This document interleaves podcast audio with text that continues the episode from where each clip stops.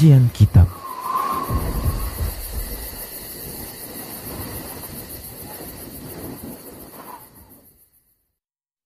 Bismillah. Assalamualaikum warahmatullahi wabarakatuh.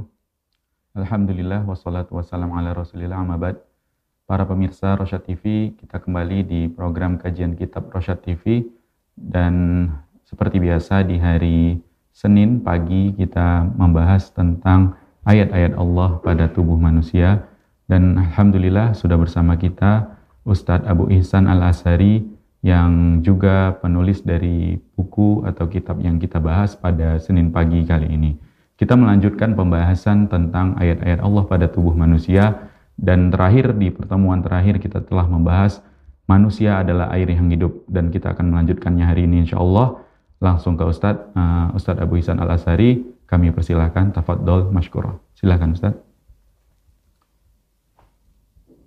Assalamualaikum warahmatullahi wabarakatuh.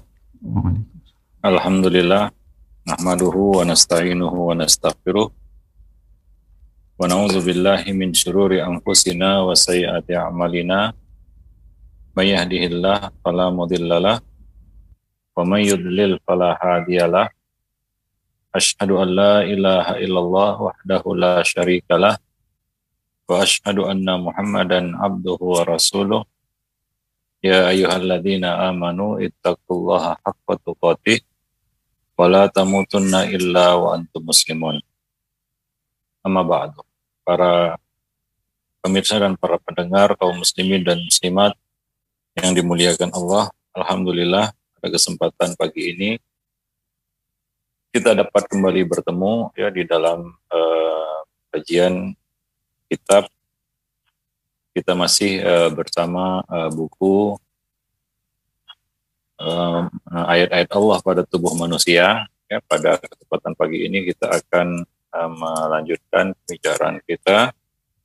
Pada pertemuan terakhir kita telah uh, menerangkan, menjelaskan bahwa kita manusia tidak akan bisa hidup tanpa air. Air adalah kebutuhan vital manusia. Ya karena air itu mengisi 67% dari tubuh manusia. 67% manusia itu adalah air.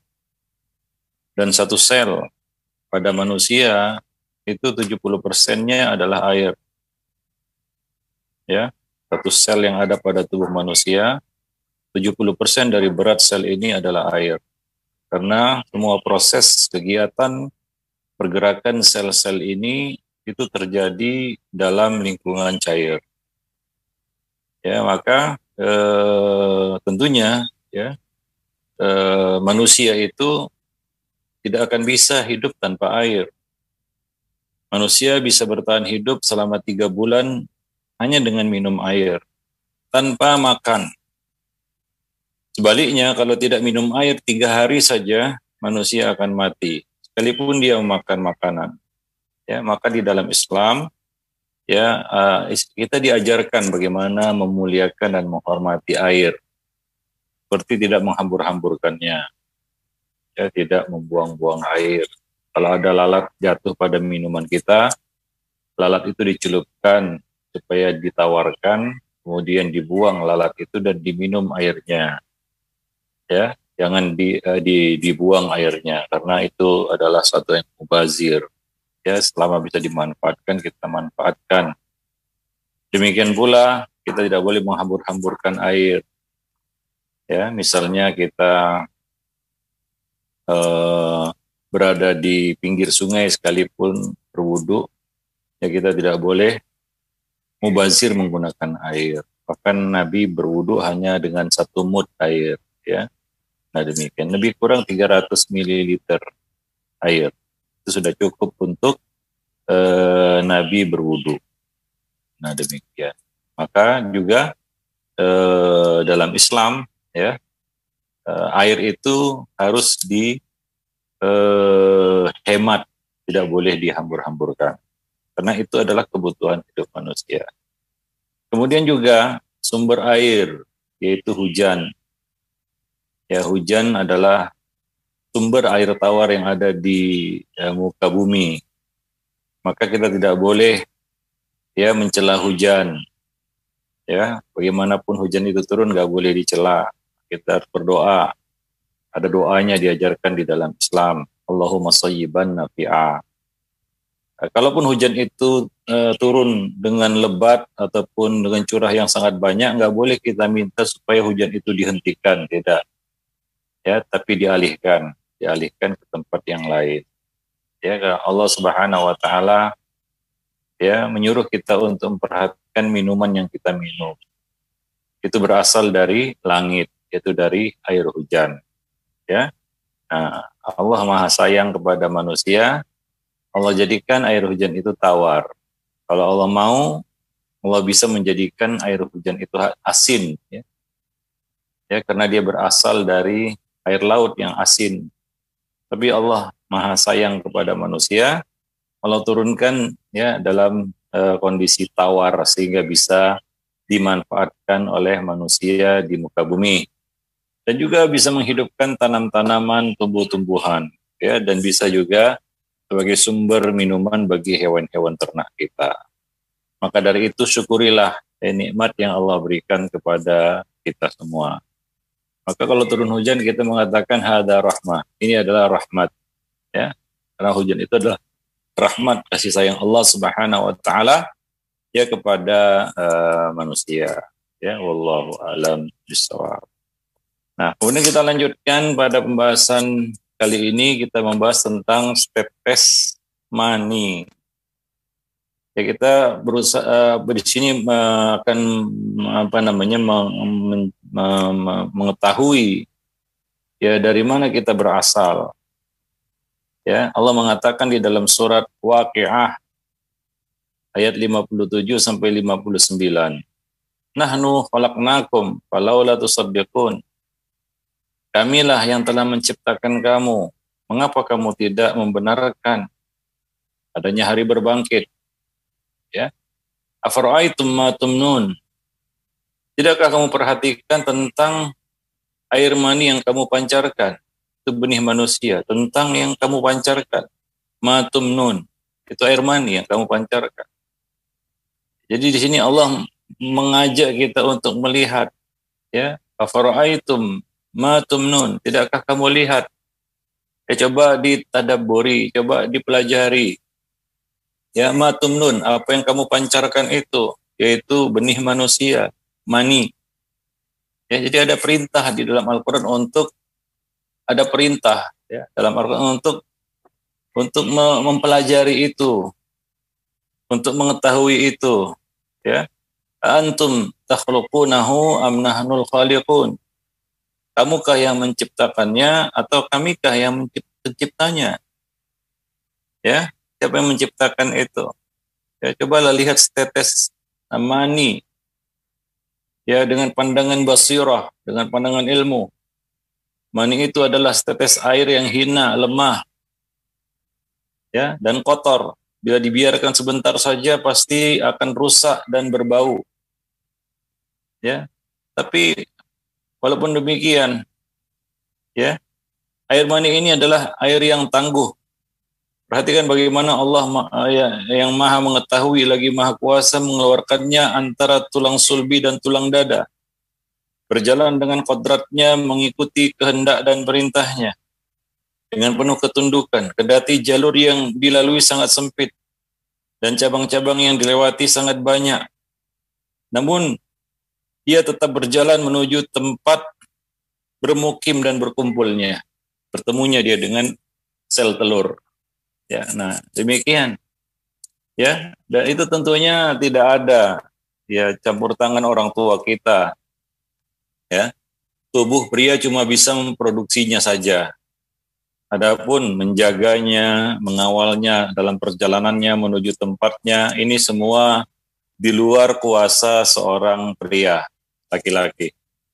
Ya, ya Allah Subhanahu wa taala menetapkan air mani itu bainas sulbi wa taraib. Ya antara tulang sulbi dan tulang dada. Ya Allah simpan di situ kemudian dipancarkan ya dengan syahwat terpancarlah air mani itu untuk menuju tempat terminal akhirnya, pertemuannya dengan sel telur. Perjalanan begitu panjang dengan ya bentuk yang sangat kecil, ukuran yang sangat kecil. Ya, bahkan yang disebut sebagai makhluk mikroskopis karena hanya bisa terlihat dengan mikroskop. Ya, maka Allah perintahkan kita untuk memikirkan itu. Apakah kamu pernah ber, eh, sekali-kali berpikir ya mengenai setetes air mani?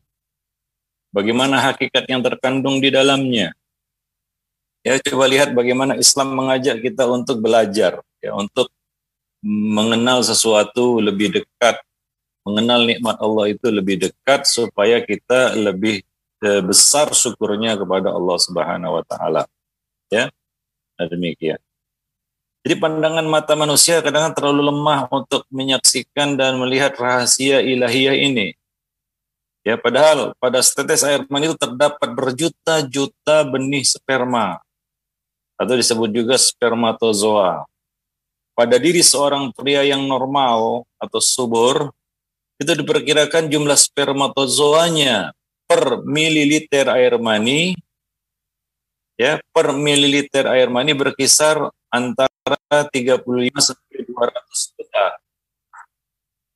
Ya, itu uh, kita katakan jumlah yang terkandung di dalam per mililiter, satu mililiter air mani. Dan rata-rata ya jumlah air mani yang keluar setiap kali inzal istilahnya ya adalah 3,5 mililiter. Dan setiap mililiter air mani tersebut dapat mengandung sekitar 120 juta spermatozoa. Ya kalau kita kalikan ya, maka hasil yang keluar adalah setiap kali ejakulasi keluarlah lebih kurang 400 sampai 500 per juta ya 400 sampai 500 juta spermatozoa. Ini adalah benih-benih manusia. Benih-benih manusia. Ya, yang akan bertemu dengan sel telur melekat pada rahim, dinding rahim, lalu dimulailah proses pembentukan manusia. Ya, itulah kita. Ya, itulah kita dulu supaya kita sadar jadi manusia jangan congkak, jangan pongah, jangan sombong, nggak ada yang patut kita sombongkan. Ya betapa kecil, betapa ya sesuatu yang kata Allah tidak disebut. Lain syai'an madhkura. Ya. Nah itu untuk merobohkan, meruntuhkan tembok kesombongan kita.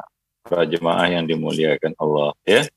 Nah demikian. Coba lihat ya tubuh pria itu bisa memproduksi spermatozoa. Ya, sementara tubuh wanita tidak bisa memproduksinya. Walaupun makanan pria dan wanita itu sama. Sama-sama makan nasi, sama-sama sama makanannya. Tapi tubuh pria itu memang Allah Subhanahu wa taala desain untuk memproduksi spermatozoa itu. Ya, Nah, kemudian tubuh wanita tidak bisa memproduksinya. Akan tapi Allah melengkapi wanita, tubuh wanita itu dengan rahim. Benda yang kecil hanya sebesar buah pir, ya, tidak besar, tapi luar biasa, bisa memuat seorang bayi yang besar di situ, yang beratnya sampai 3,5 kg, ada yang lahir 4 kg. Besar, ya kuat dan kokoh. Allah mengatakan fikororin makin. Dan itu ada hanya ada pada tubuh wanita. Tidak ada pada tubuh pria. Itulah Allah bagi-bagi tugas ya untuk ya e, menjadi proses ya menjadi wasilah dan sarana lahirnya seorang anak manusia. Para jemaah yang dimuliakan Allah. Baik. Ya, maka di sini Allah suruh kita untuk menyingkap sedikit ya kepada manusia agar mereka mau berpikir dan mau merenungi ciptaan Allah Subhanahu wa taala tersebut. Maka Allah katakan di dalam Al-Qur'an, "Walaisa dzakaru kal unta." Tidaklah manusia kita katakan pria itu sama dengan wanita. Wanita tidak sama dengan pria. Ya para jemaah kaum muslimin dan muslimat yang dimuliakan Allah. Dan spermatozoa ini adalah sel terkecil. Ya kita lanjutkan lagi, afwan, maaf agak ada ganggu sedikit. Ya kita lanjutkan lagi. Kita tadi sebutkan bahwa uh, spermatozoa ini adalah sel terkecil dalam tubuh manusia. Jadi butuhkan kurang lebih 1200 sel untuk membentuk tanda baca titik di ujung kalimat ini. Ya saking kecilnya dia. Sehingga tadi kita sebutkan dia adalah makhluk mikroskopis. Itulah dia cikal bakal manusia yang hanya bisa terlihat dengan alat pembesar mikroskop. Sangat kecil. Saking kecilnya itu seolah-olah dia adalah sesuatu yang tidak disebut. Itulah yang Allah ingin isyaratkan di dalam Al-Quran. Hal ata alal insani hinun minad dahri lam yakun syai'an madhkura.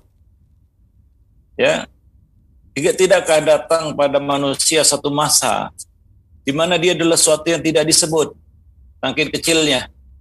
Seperti eksistensi manusia di alam semesta yang sangat kecil ibarat debu dibandingkan dengan besarnya katakan uh, alam semesta ini Ya, seolah-olah manusia itu saking kecilnya nggak nampak. Bahkan bukan manusia saja. Bumi yang ditempati oleh manusia ini, kalau dibandingkan dengan benda-benda luar angkasa lainnya itu seperti debu ya di apa namanya di udara yang melayang-layang yang tidak nampak ini. Para pemirsa dan para pendengar yang dimuliakan Allah.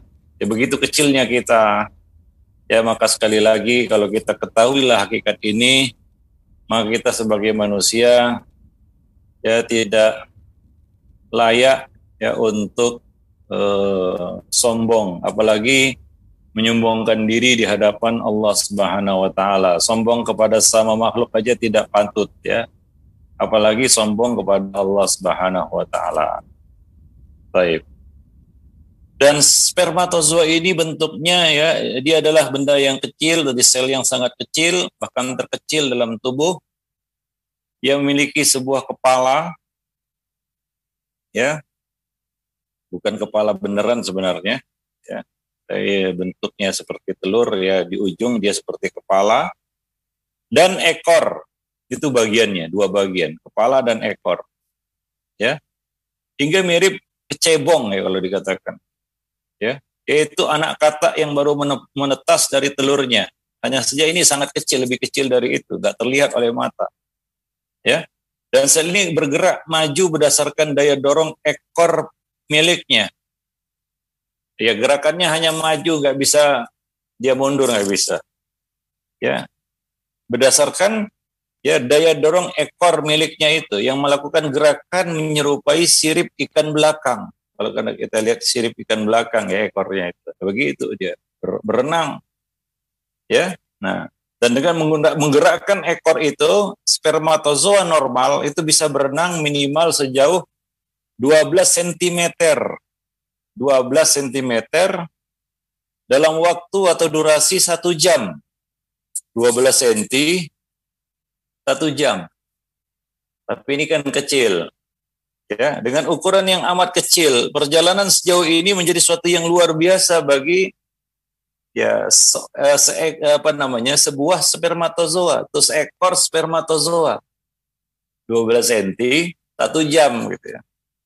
Nah jika kita banding, jika ingin membandingkan ya jika ingin dibandingkan perjalanan ini setara dengan seorang dewasa yang berja yang berlari sejauh 80 km dalam waktu satu jam. Begitu kecepatannya. 80 km dalam waktu satu jam. Sejauh 8 lebih kurang ya 80 km dalam waktu satu jam. Ya, ada orang yang berlari secepat itu. Saya kira nggak ada mobil yang bisa berlari secepat itu ya. Nah, itu sangat cepat itu. Nah, itu kalau kalau kalau dibandingkan ya gimana kecepatan dari uh, berenang dari spermatozoa ini ya 12 cm dalam uh, apa namanya waktu satu jam para jemaah yang dimuliakan Allah. Ya, nah ini itu itu kuasa Allah Subhanahu wa taala ya. Kebesaran Allah, kemahabesaran Allah Subhanahu wa taala. Ya walaupun benda ini kecil, dia perlu perjalanan untuk sampai ke tempatnya. Ya, sampai ke tempatnya, sampai di rahim, bertemu dengan sel telur dan memulai proses pembentukan manusia di dinding rahim. Yang Allah Subhanahu wa taala ya apa namanya eh, fasilitasi itu di tubuh wanita. Jadi dia perlu perjalanan. Itulah kita dulu, dulu. Ya, nah demikian. Supaya kita sadar kita ini dari mana. Kadang-kadang kita tiba-tiba berubah jadi makhluk yang sombong, angkuh, ya, melawan, durhaka.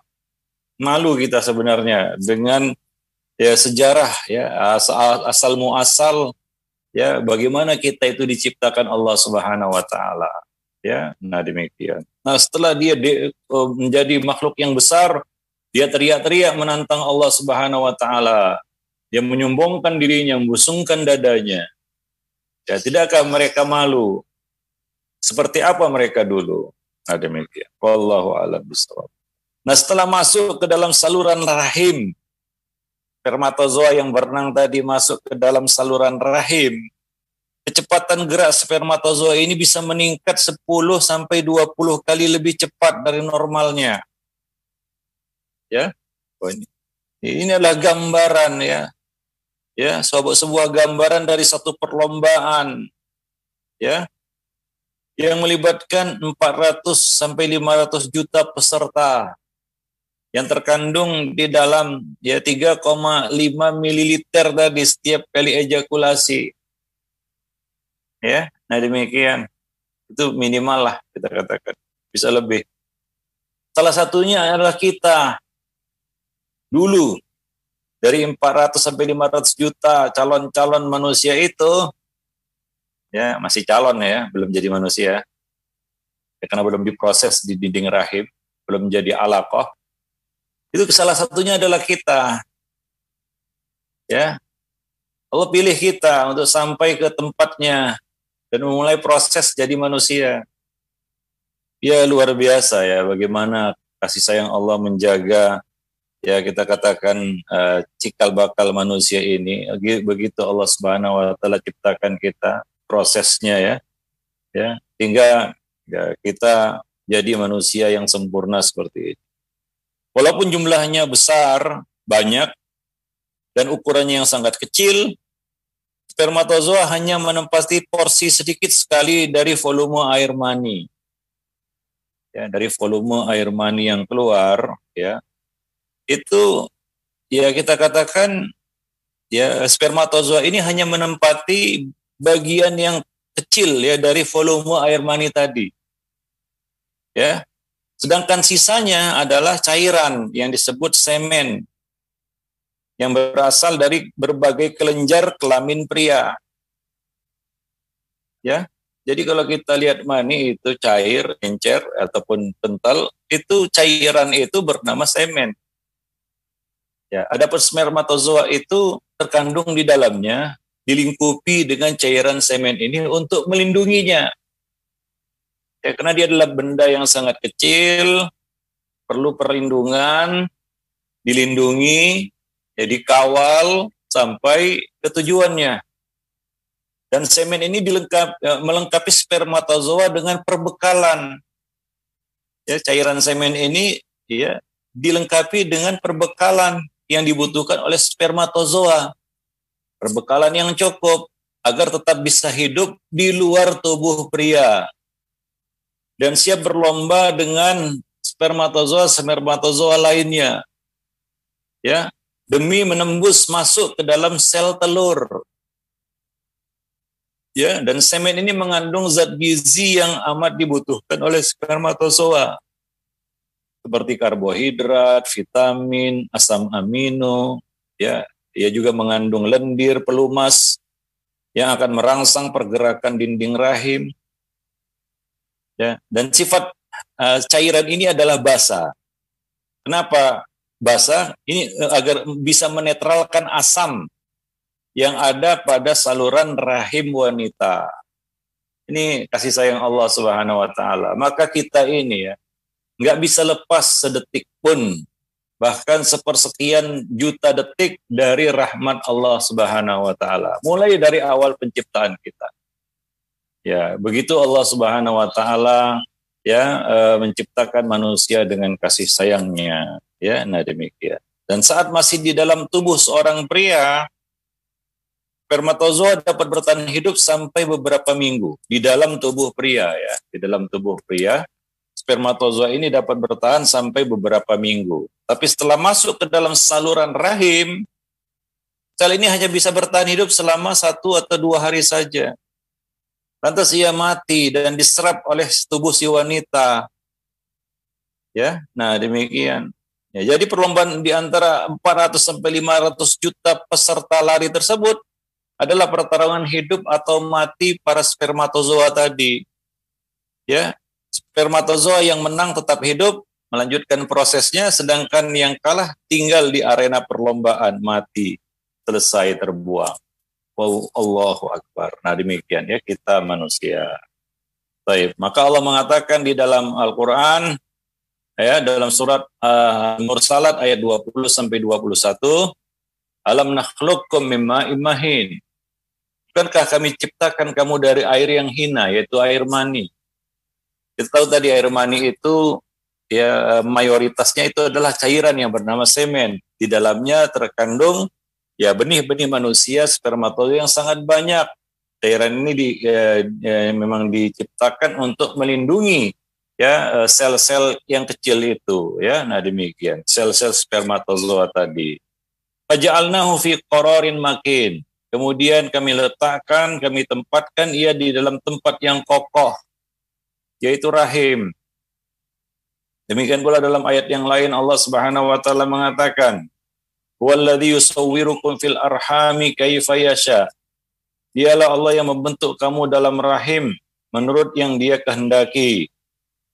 Ya, menurut apa yang Allah Subhanahu wa taala kehendaki. Nah, demikian. Allah menyebut rahim ya sebagai tempat yang kokoh. Ya, tidak hanya pada tubuh wanita, tidak ada pada tubuh pria rahim ini. Tempat yang kokoh. Dan di dalamnya Allah Subhanahu wa taala membentuk seorang anak manusia sesuai dengan kehendak Allah. Laki-laki ataukah perempuan. Bagaimana rupanya, cantik atau buruk rupanya. Ya. Warna kulitnya, ya struktur tubuhnya, ya Allah membelah mata, telinga, hidung, mulutnya. Dan Allah Subhanahu wa taala lengkapi dengan tulang belulang dan dibungkus dengan kulit. Semua itu terjadi dan diproses ya dalam waktu 9 bulan 10 hari itu normalnya di dalam rahim yang ada pada tubuh wanita. Para pemirsa dan para pendengar yang dimuliakan Allah. Ya, nah demikian. Nah, jadi memang benarlah sabda Nabi Shallallahu Alaihi Wasallam bahwa antara pria dan wanita, ayah dan ibu itu ya jatah saham pria itu cuma 25 persen.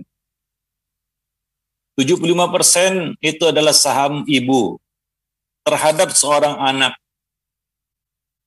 Ya, maka ketika ada seorang yang datang kepada Nabi dan bertanya kepada Nabi, siapakah orang yang paling berhak aku perlakukan dengan baik? Nabi menjawab ibumu. Dia bertanya lagi kemudian siapa? Nabi kembali menjawab ibumu. Ya, bertanya lagi kemudian siapa?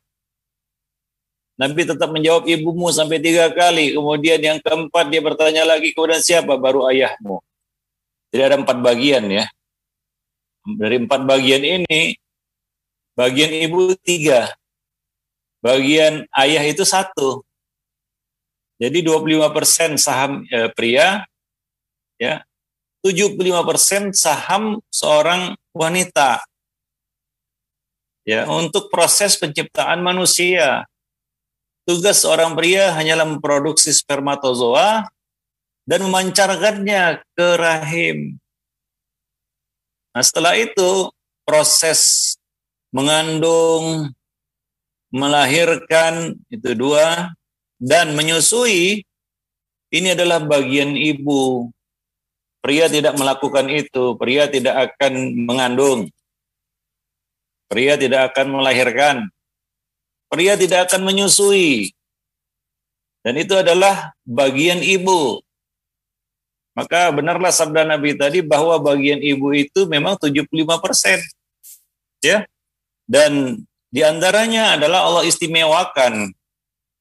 Ya, Allah istimewakan tubuh wanita itu dengan rahim, dilengkapi dengan rahim. Ya, nah demikian. Ya kecuali yang ada kelainan wanita yang lahir tidak ada rahimnya kan begitu ya? Ya bisa aja tuh tapi kan itu kuasa Allah Subhanahu wa taala juga ya agar para wanita yang punya rahim itu bersyukur karena dia bisa jadi seorang ibu. Kalau dia tidak punya rahim dia tidak akan bisa mengandung dan punya anak ya? Dan rahim ini adalah satu benda yang luar biasa. Boleh dikatakan rahim itu kecil-kecil cabai rawit istilahnya seperti itulah ya Rahim ini mempunyai bentuk ya, bentuknya itu hampir menyerupai buah pir. Kalau pernah lihat buah pir, begitulah dia rahim itu. Ya. Seperti buah pir. Ukuran aslinya tidak terlalu besar sebenarnya, kecil. Kalau kita lihat buah pir itu, panjangnya 7,5 cm. Ya, sedangkan lebar atau bagian terbesarnya adalah 5 cm saja dan beratnya total berat rahim itu sekitar 20 gram saja.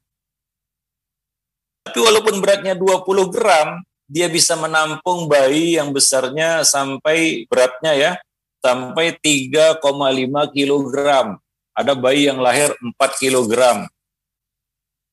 Ya, macam-macam lah ya. Nah, demikian. Jadi ini memang kecil-kecil cabai rawit.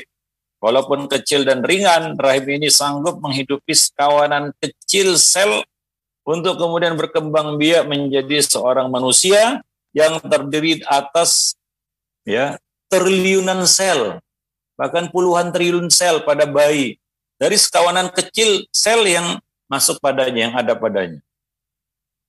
Nah demikian ya. Dan sebagian besar dinding rahim ini terdiri dari otot, dan diselimuti lapisan pelindung. Sedang pada bagian rongganya dilapisi oleh lapisan lendir lah rahim namanya. Lapisan lendir rahim. Lendir ini akan bertambah tebal sebagai persiapan guna menghidupi sel telur pada proses pembuahan atau disebut juga fertilisasi. Nah, ketika ia telah disuburkan oleh mani atau sperma, ia akan tiba dan terbenam melekat padanya ya melekat padanya. Nah, nah terjadilah yang disebut pembuahan atau fertilisasi.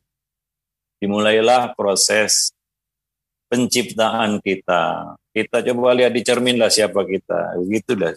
Kalau di bukunya ada gambarnya ya, nah, demikian. Ya. Nah, jadi lapisan lendir rahim ini adalah lapisan yang kaya pembuluh darah serta jaringan penting lainnya yang diperlukan sebagai proses pembentukan manusia. Lapisan inilah yang terkuras lalu dibuang ketika tidak ada telur terbuahi yang datang. Ya. Nah, proses pembuangan lapisan inilah yang menyebabkan terjadinya pendarahan pada masa menstruasi. Kalau tidak ada pembuahan ya keluar. Ya, jadi darah haid kan begitu ya menstruasi namanya. Nah, nah ketika terjadi pembuahan maka dimulailah ya proses penciptaan manusia. Terhentilah haid itu, ya, nggak datang bulan istilahnya, ya karena dimulai proses penciptaan manusia. Nah, jika kalau tamu kehormatan yang ditunggu tidak juga datang, bentuk persiapan akan dibatalkan atau ditiadakan.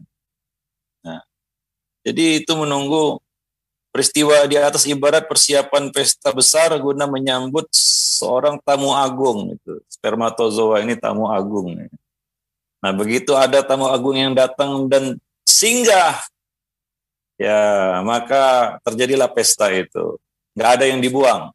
Nggak, makanya dikatakan wah wanita kalau udah nggak haid ya udah nggak datang bulan kan seorang istri mas udah nggak datang bulan ini ya nah itu artinya apa terisi istilahnya kan begitu karena akan terjadi pesta besar di dalam rahim. ya terjadinya proses ya pembu apa namanya penciptaan manusia. Nah, selama usia subur bagi seorang wanita, persiapan ini bisa terjadi sebanyak 400 kali. Dari sekian banyak persiapan yang mampu diadakan seumur hidup tersebut, atas izin Allah hanya beberapa di antaranya yang akhirnya dihadiri oleh sang tamu agung. Nah, itulah bakal manusia yang Allah tempatkan dalam rahim ibu, seorang bayi, kemudian lahirlah kita. Itulah kita ya para pemirsa dan para pendengar yang dimuliakan Allah. Ketika tamu agung datang dan bertemunya dua benih. Lihatlah bagaimana Allah Subhanahu wa taala memandukan antara pria dan wanita ya atau laki-laki dan perempuan lantas menanamkan rasa di hati keduanya, rasa cinta di hati keduanya. Lalu Allah mengikatnya dengan mata rantai syahwat cinta, juga hubungan badan sebagai sebab terciptanya seorang janin atau seorang bayi, seorang anak manusia. Maka kenapa itu rahasianya kenapa kita perlu hawa nafsu, perlu syahwat. Kita perlu nafsu, perlulah. Itu salah satu cara kita katakan eh, salah satu sebab ya terjadinya perkembangbiakan di antara manusia. Kita sebutkan perbedaan antara madi dan mani ya. Madi itu tidak terpancar keluarnya. Mani terpancar. Madi tidak akan bisa menyebabkan terjadinya seorang insan. Kalau keluar hanya keluar madi saja. Tapi keluarnya mani, terpancarnya mani, ini bisa menjadi satu sebab terjadinya pembuahan. Ya, datangnya tamu agung di dalam rahim bertemu dengan sel telur tadi. Nah, demikian. Jadi kita perlu uh, nafsu. Maka di dalam Islam nggak ada ceritanya kita membuang nafsu. Nggak. Karena nafsu kita perlukan. Kita perlu nafsu. Ya untuk berkembang biak kita perlu nafsu itu. Gimana mani bisa terpancar kalau nggak ada nafsu kan begitu ya? Nah demikian. Wallahu alam bisawab. Tapi ya tentunya ya salah itu salah satu hikmah ya kita dibekali dengan nafsu manusia ini ya cuma eh, negatifnya juga banyak nafsu ini kata Allah wa inna nafsal ammaratum bisu nafsu itu sering mengajak manusia kepada keburukan ya maka di dalam Islam kita diperintahkan untuk mengendalikan nafsu bukan membuang nafsu. Salah itu. Maka dalam Islam tidak ada istilahnya hidup mengebiri diri haram. Ya tidak nikah-nikah itu haram juga membujang misalnya. Ya nah itu tidak boleh. Ya itu bertentangan dengan fitrah manusia. Nah demikian. Jadi renungkanlah bagaimana Allah menakdirkan pertemuan antara dua jenis cairan mani pria dan sel telur wanita. Padahal sebelum bersatu keduanya sangat berjauhan. Satu di tubuh pria satu di tubuh wanita. Allah menggiringnya dari urat yang paling dalam.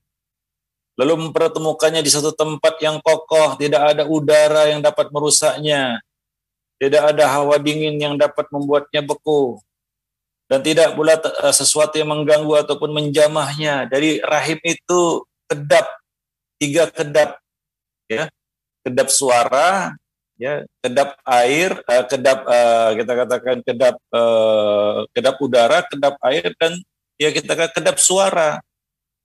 Udara, suara, cairan tidak ada yang masuk kecuali yang memang cairan yang perlu masuk ke dalam rahim, namanya cairan ketuban. Nah, begitulah. Ya Allah Subhanahu wa taala ya menjaga kita dengan segala prosesnya di dalam rahim itu. Ya, nah demikian. Coba lihat proses pembuahan sel telur oleh sel sperma. Itulah perkara yang sangat menakjubkan Ya pada seorang wanita yang subur umumnya setiap bulan hanya ada satu sel telur dewasa yang dilepaskan oleh indung telur. Jika hanya ada ada seorang bayi yang dihasilkan di masa kandungan.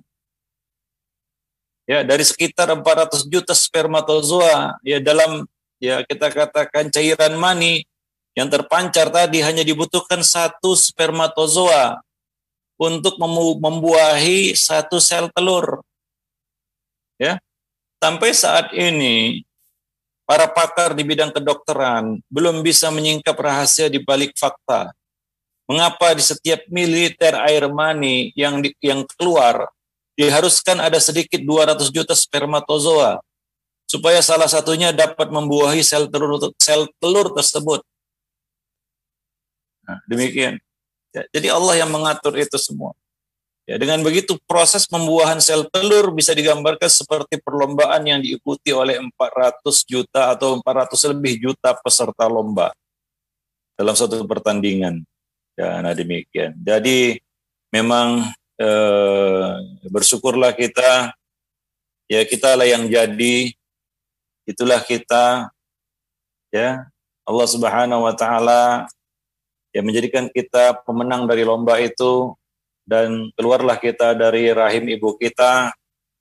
Bayi yang lemah besar lama-lama kuat lama-lama pinter bisa menggunakan otaknya akalnya bisa menggunakan semua anggota tubuhnya hingga dia menjadi manusia yang sempurna berdiri tegak tapi kemudian dia membusungkan dada dan sombong kepada Allah Subhanahu wa taala Nah, ini supaya kita ya sekali lagi ya, kadang-kadang kita perlu merenungi ini dan Allah perintahkan itu kenapa?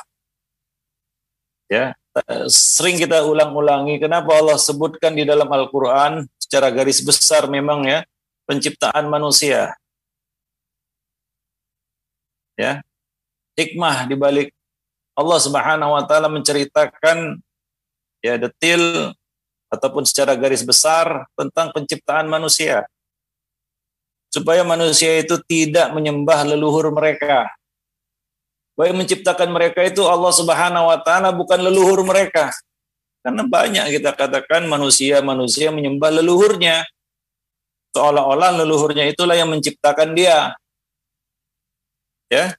Nah, Al-Qur'an menjelaskan kepada kita bagaimana kita tercipta dan Allah perintahkan ya untuk mempelajari itu supaya kita sadar bahwa Allah yang menciptakan kita, ada pencipta kita. Gak mungkin semua itu terjadi begitu saja seperti para ateis, ateis ya.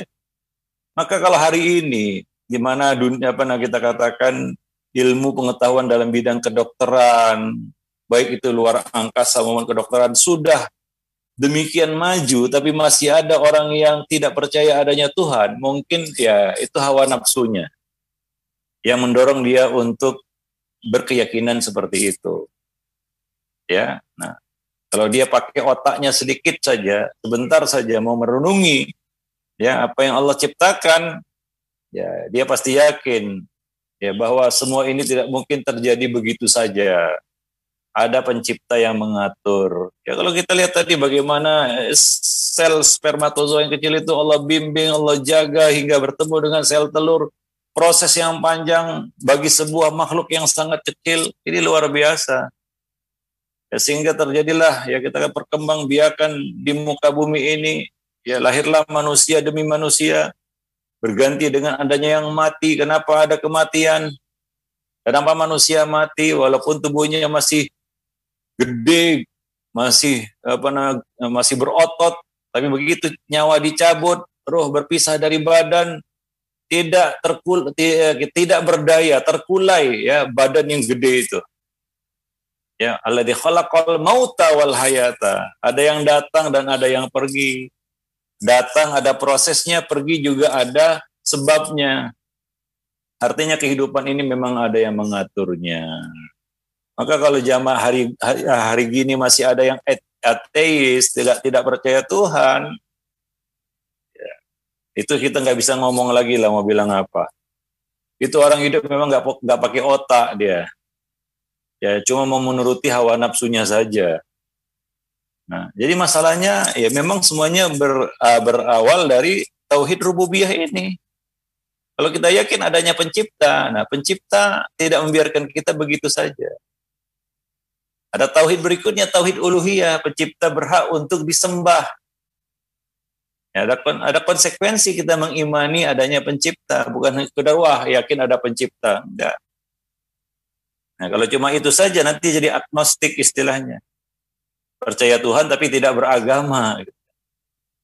Nah sekarang coba lihat banyak orang yang agnostik ya, atheist juga, tapi ya, ada yang terbimbing kepada Islam kan begitu ya nah, di antara mereka. Ketika mereka mau berpikir sejenak saja dan itu yang Allah perintahkan kepada manusia di dalam Al-Qur'an, mereka akan ketemu jawabannya. Mereka akan beriman, mereka akan sadar bahwa semua proses itu tidak mungkin tiba-tiba saja. Ya, ya apa namanya tidak ada yang mengaturnya, tidak ada yang mendesainnya. Ya, setiap proses demi proses yang terjadi itu seolah-olah mata rantai yang sudah diatur. Nanti seperti ini, ya tercipta tersimpan dalam tulang sulbi dan tulang dada seorang pria.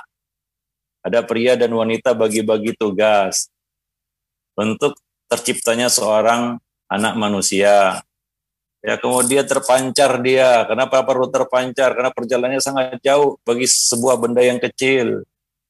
Diberi perlindungan, cairan sampai kepada bertemunya dengan dia dengan sel telur. Dia disambut tamu agung di dalam rahim yang sudah mempersiapkan segala sesuatunya pada saat masa subur tadi. Ya, maka Ya, kalau Allah menghendaki kun fayakun, jadilah manusia. Kalau tidak, keluar. Banyak mengusahakan pertemuan sel telur pria dan wanita, ternyata tidak melekat di dinding rahimnya. Ya keluar lagi, luruh. Coba lagi, nggak melekat juga. Ya, keluar lagi. Ada yang mencoba berkali-kali itu. Ya, nah kalau belum Allah takdirkan kun fayakun, nggak jadi Nah demikian, wallahu alam bisawab. Mungkin di sini ada yang punya pengalaman ya mencoba ya peruntungannya yang ingin punya keturunan dibuahi di luar rahim kan begitu ya. Kemudian ditembakkan ke rahim tapi nggak lengket di dinding rahim itu, nggak jadi alaqah, nggak jadi manusia, keluar lagi. Ada yang mencoba sampai berkali-kali akhirnya dia dapat keturunan. Nah demikian. Wallahu alam uh, bisawab. Ya, para pemirsa dan para pendengar yang dimuliakan Allah. Nah, jadi salah satunya adalah agar manusia sadar bahwa yang menciptakan mereka bukan leluhur mereka. Karena syubhat di tengah-tengah manusia, di antaranya di dalam bab akidah adalah di antara mereka masih banyak yang menyembah leluhur. Dan itu Allah Subhanahu wa taala sebutkan di dalam Al-Qur'an. Ya seolah-olah leluhur mereka yang menciptakan mereka. Ibu bapak mereka yang menciptakan mereka jika menyembah leluhur itu. Ya, nah kalau mereka mau mempelajari, mentadaburi bagaimana proses penciptaan manusia dan itu yang Allah Subhanahu wa taala singgung di dalam Al-Qur'an, maka mereka akan tahu siapa pencipta mereka. Allah Subhanahu wa taala. Nah, demikian. Wallahu a'lam Itu yang pertama. Yang kedua adalah supaya kita jadi manusia sekali lagi dan berulang-ulang kita ingatkan jangan sombong jadi manusia. Kalau ada kelebihan yang Allah berikan kepada kita itu milik Allah berasal dari Allah. Allah Subhanahu wa taala yang menganugerahkan itu semua kepada kita. Ya wallahu alam bisawab. Tapi ya tidak banyak orang yang memikirkan hal itu. Ya. Betapa menakjubkan perkembangan yang dialami air mani setelah bercampur dan diletakkan di tempat sebaik-baiknya yaitu rahim. Ya. Dan peristiwa itu adalah keajaiban yang tiada tara yang Allah Subhanahu wa taala memberikan bagi makhluk bersel satu ini sebuah lingkungan ideal. Ya. Dan segala fasilitas pendukung.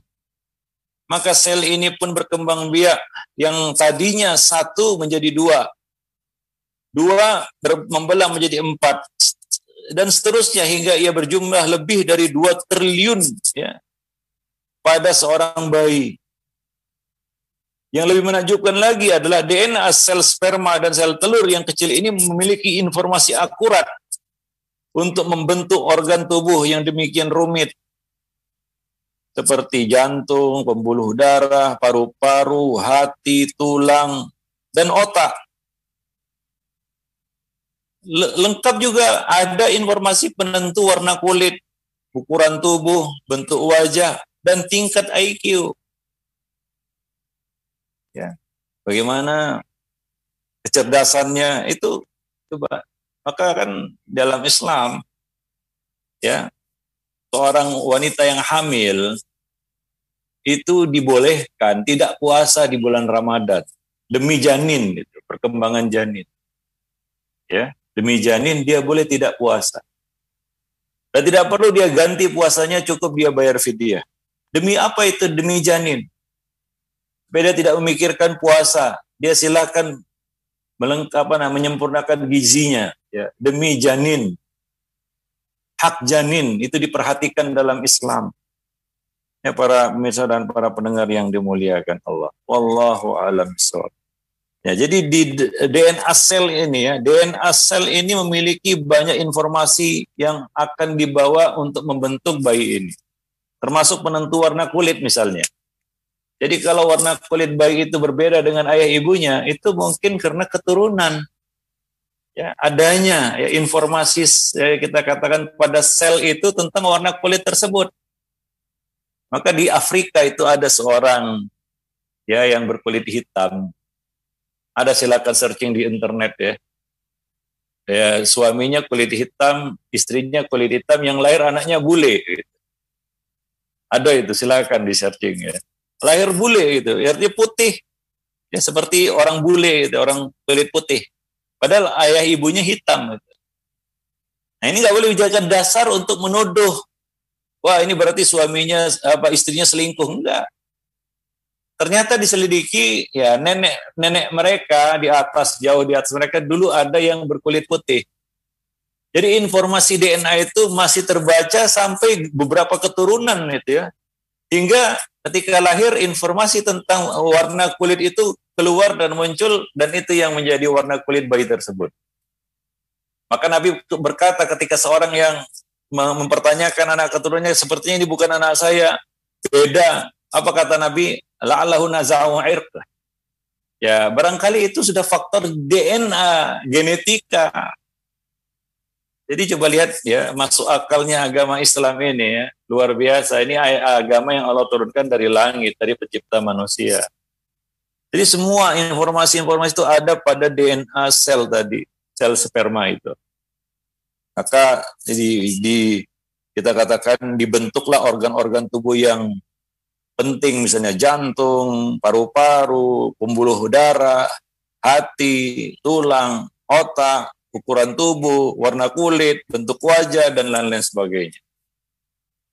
Allahu alam bisawab. Nah demikian. Nanti akan kita lanjutkan masih berbicara tentang penciptaan diri manusia yaitu luar biasanya pertumbuhan sel. Kita berasal dari satu sel yang berkembang sangat cepat tapi terkendali, tidak liar. Nanti akan kita uh, lanjutkan ya pembicaraan masih di bab yang pertama yaitu renungilah penciptaan diri kita. Ya, kenapa kita harus kaji ini? Karena ini perintah Allah dalam Al-Quran. Yang mungkin belum pernah kita lakukan sepanjang hidup kita. Sekali lagi ya, ini perintah Allah dalam Al-Quran. Jangan kira ini bukan perintah Allah ya. Yang mungkin, mungkin saya katakan, belum kita lakukan itu sepanjang hidup kita sampai hari ini. Ya, mungkin. Saya katakan mungkin ya. Ada banyak orang yang nggak pernah memikirkan hal ini ya sampai dia mau mati sekalipun. Padahal itu diperintahkan Allah Subhanahu wa taala di dalam banyak ayat yang sudah kita bacakan sebelumnya. Kalau kita mau jujur ya atau jujur sajalah ya. Pernahkah kita atau ya udahlah itu sudah terjadi begitulah seharusnya itu sudah kewajiban Allah begitu kata-kata kita. Ya, kalaupun Allah yang menciptakannya itu sudah kewajiban Allah, bahkan yang nggak percaya sama Allah, ya itu adalah sesuatu yang sudah ya, terjadi eh, hukum alam katanya. Wah enak aja dia mengatakan seperti itu. Dia nggak tahu bagaimana proses penciptaan itu. Kalau dia ketahui, dia akan mengatakan nggak mungkin ini terjadi secara spontan, nggak mungkin. Ya, nah demikian. Wallahu alam uh. Jadi ingat sekali lagi ya, mungkin ada pemirsa mau ngapain kita bahas ini. Itu kan dulu udah terjadi. Iya, ini perintah Allah. Yang mungkin salah satu perintah yang belum kita lakukan. Ya, nah demikian. Ya, wallahu alam bisawab. Baik, para jemaah yang dimuliakan Allah, mungkin sampai di sini dulu pertemuan kita ya sudah lebih kurang satu jam kita bersama. Mudah-mudahan bermanfaat. Ya bagi yang ingin uh, bertanya, ya kita persilahkan. Ya bagi yang mau bertanya, kalau ada pertanyaan, ya kita beri waktu sampai 10.30. Insya Allah. Baik, silakan. Baik, jazakumullah khairan Ustaz atas pemaparannya di uh, kajian kitab pagi ini dan kami persilahkan para pemirsa Rosyad TV yang mau bergabung di kajian kitab pagi ini uh, bisa interaktif bersama kita di nomor 0822 8888 6630 ataupun melalui uh, pesan WhatsApp. Ustaz, ada pertanyaan tentang bayi tabung Ustaz atau inseminasi ini bagaimana Ustaz pandangannya dalam syariat Islam? Itu masih usaha juga ya, namanya pun bayi tabung, dokter juga bukan penentu itu akan berhasil, karena banyak juga yang mencoba nggak berhasil atau mencoba berkali-kali ya para uh, ulama menjelaskan tentang uh, asal usul dari uh, benih yang dipakai. Kalau berasal dari pasangan yang sah itu uh, mereka membolehkannya. Itu salah satu ikhtiar juga. Ya, salah satu ikhtiar. Ya, tetap dokter tidak bisa menetapkan pasti berhasil karena banyak juga yang mencoba berkali-kali nggak berhasil juga. Ya, nah, semua keputusan ada di tangan Allah Subhanahu wa taala. Nah, demikian. Ya sama seperti azal juga mencegah tidak terjadinya kehamilan. Ya, dalam Islam yang dibolehkan itu proses azal yaitu menumpahkan di luar rahim, mani di luar rahim. Ya, tapi kalau ada yang lolos ya jadi juga gitu. Enggak jadi jaminan bahwa itu pasti berhasil, yaitu pasti tidak hamil. Ada juga yang azal ternyata hamil, Ya, jangan dituduh macam-macam istrinya.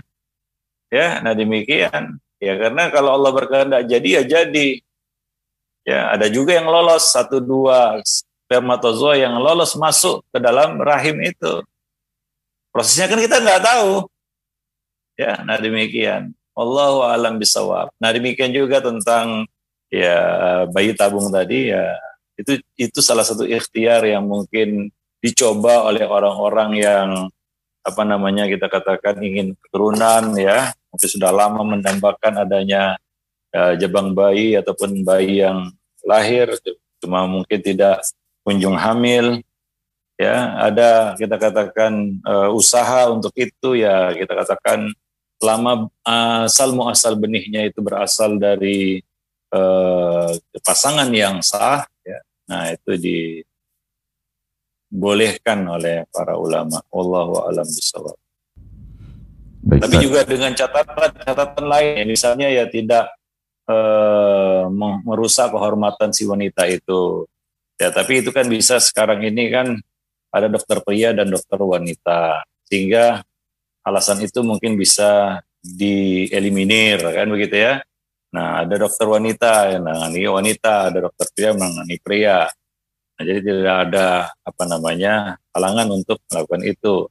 Wallahu alam bisawab. Nah, sebagian ya kita katakan mensyaratkan hal itu, yaitu tidak menghinakan si wanita itu.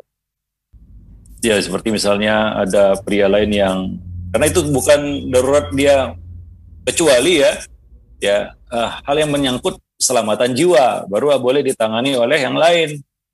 Nah, tapi kalau tidak, maka nggak boleh laki-laki lain ya, apalagi yang berkaitan dengan aurat vital.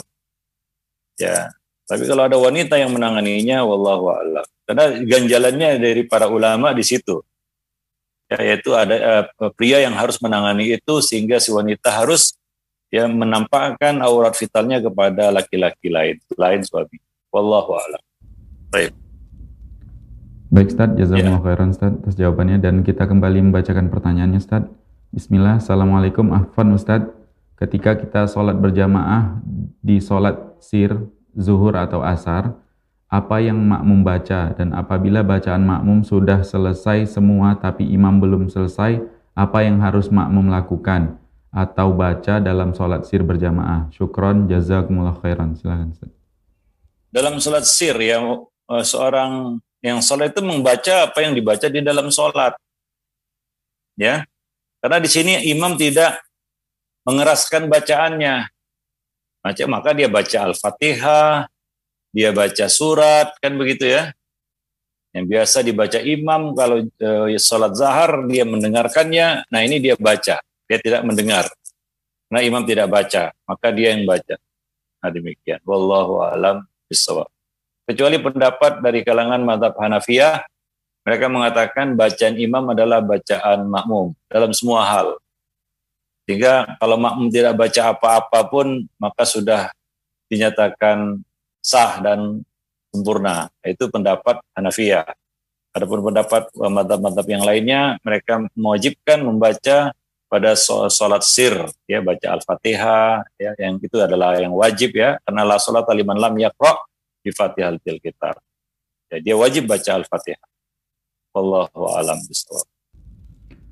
Baik Ustaz, jazakumullah khairan Ustaz atas jawabannya. Dan Ustaz tadi sudah menyinggung tentang azal atau menumpahkan sperma di luar uh, vagina untuk mencegah kehamilan. Dan kalau uh, pencegahan kehamilan ini melalui yang kita kita ketahui itu KB Ustaz, keluarga berencana ini apakah dibolehkan juga Ustaz? Kalau permanen tidak boleh ya. Artinya mengebiri diri nggak benar-benar kan diharamkan di dalam Islam. Ada dua hal. Satu pembatasan keturunan. Namanya tahdidun nasal ini tidak dibolehkan. Ya. E, demikian pula pengembirian diri, yaitu memandulkan diri, itu juga nggak dibenarkan, haram. Ini dua hal ini haram. Pembatasan kehamilan dan pencegahan apa namanya uh, uh, pembata kita katakan men, tidak fungsikan, menonfungsikan ya kita katakan alat uh, kita katakan alat perkembang biak perkembang biakan ya seperti mengikat uh, uh, saluran rahim ya maka secara permanen dia tidak akan bisa uh, mengandung demikian juga pria ya dengan uh, memandulkan dirinya ya itu tidak dibenarkan di dalam agama. Yang boleh itu satu tanzimul hamal, mengatur kelahiran. Ya, mengatur kelahiran, nah, itu dibenarkan. Ya, misalnya apa? Ya, dua tahun sekali ya, setelah uh, anak ini selesai menyusui, baru ya dia hamil lagi. Nah, prosesnya adalah dengan azal tadi, ya, yang paling apa namanya, yang paling ya natural adalah azal, yaitu menumpahkan uh, mani di luar rahim. Karena ini tidak akan menjadikan si suami mandul dan si istri mandul. Nah demikian. Wallahu a'lam Ya, itu perincian mengenai masalah uh, tanzimul hamal, tahdidun nasal dan masalah pemberian pengembirian diri. Ya, nah demikian. Baik Ustaz, jazakumullah khairan Ustaz. Ustaz, mungkin pertanyaan terakhir dari kami Ustaz. Uh, apabila orang atau sepasang suami istri membatasi atau mencukupkan anak keturunannya itu karena khawatir dengan buruknya akhir zaman ini Ustaz mungkin khawatir pendidikan anaknya, khawatir masa depan anaknya yang mungkin takut kalau banyak, terlalu banyak anak hilang fokus nanti nggak terdidik dengan baik, tidak terkonsentrasi pendidikan anak-anaknya ini seperti apa Ustaz pandangan dari syariat Islam Ustaz? Silakan Ustaz. Ya itu tidak dibenarkan pandangan seperti itu ya, kecuali ada alasan medis bahwa si istri misalnya si wanita akan membahayakan jiwanya jika dia hamil lagi ya nah misalnya contohnya ya eh, orang yang ber, eh, terhalang untuk melahirkan secara natural secara normal harus eh, operasi sesar misalnya harus melalui operasi sesar itu kan terbatas itu cuma empat kali kalau nggak salah. Setelah itu kan ditutup, nggak bisa lagi dari operasi sesar itu. Kalau alasannya medis dan itu dibenarkan oleh dokter Muslim yang dipercaya, maka ya ya berarti terbatas sampai di situ kan begitu ya. Nah itu alasan medis. Tapi alasan yang tidak bisa dibenarkan seperti khawatir rezeki itu kan suatu yang nggak bisa dibenarkan. Khawatir rezeki. Rezeki bukan dia yang ngatur, Allah yang ngatur. Tapi kalau alasannya adalah ya faktor ya kita katakan medis yaitu ke, ke keselamatan ataupun kemampuan si wanita untuk hamil ya bisa me, uh, membahayakan jiwanya atau karena memang dia punya kelainan di dalam uh, hal itu ya. Karena ya sebagian wanita itu punya kelainan pada sistem uh, kita katakan uterusnya yaitu rahimnya sehingga tidak bisa untuk lebih dari beberapa uh, kelahiran saja ada yang seperti itu ya Allah alam uh, bisa nah demikian nah kalau alasannya itu medis dan bisa dibenarkan dan dikeluarkan oleh dokter yang terpercaya ya maka ya ada alasan ya untuk membatasi itu. Tapi kalau tidak ya nggak boleh dengan alasan ya dia khawatir rezeki si anak dan lain sebagainya. Itu bukan alasan yang dibenarkan. Wallahu a'lam bishawab. Nah demikian para pemirsa dan para pendengar yang dimuliakan Allah ya pertemuan kita pada kesempatan uh, pagi ini ya dan mudah-mudahan bermanfaat bagi kita semua. Lebih dan kurang saya mohon maaf. Aku qauli hadza astaghfirullah li wa lakum lisairil muslimin innahu wal rahim. Subhanakallah wa bihamdik. Asyhadu an la ilaha illa anta astaghfiruka wa atubu ilaik. Assalamualaikum warahmatullahi wabarakatuh. Baik para pemirsa Rosyad TV, uh, di mana pun Anda berada, dengan demikian berakhir sudah kajian kitab di Senin pagi ini bersama Ustaz Abu Isan Al-Azhari, Hafizullah Ta'ala dengan pembahasan ayat-ayat Allah pada tubuh manusia. Dan insya Allah kita akan ketemu lagi di episode mendatang di pekan depan insya Allah di jam yang sama dan di saluran televisi yang sama, Rosyad TV, saluran keluarga Islami, saluran dakwah keluarga Islami. Kita tutup subhanakallahumma wa bihamdika asyhadu an la ilaha illa anta astaghfiruka wa atubu ilaik. Assalamualaikum warahmatullahi wabarakatuh.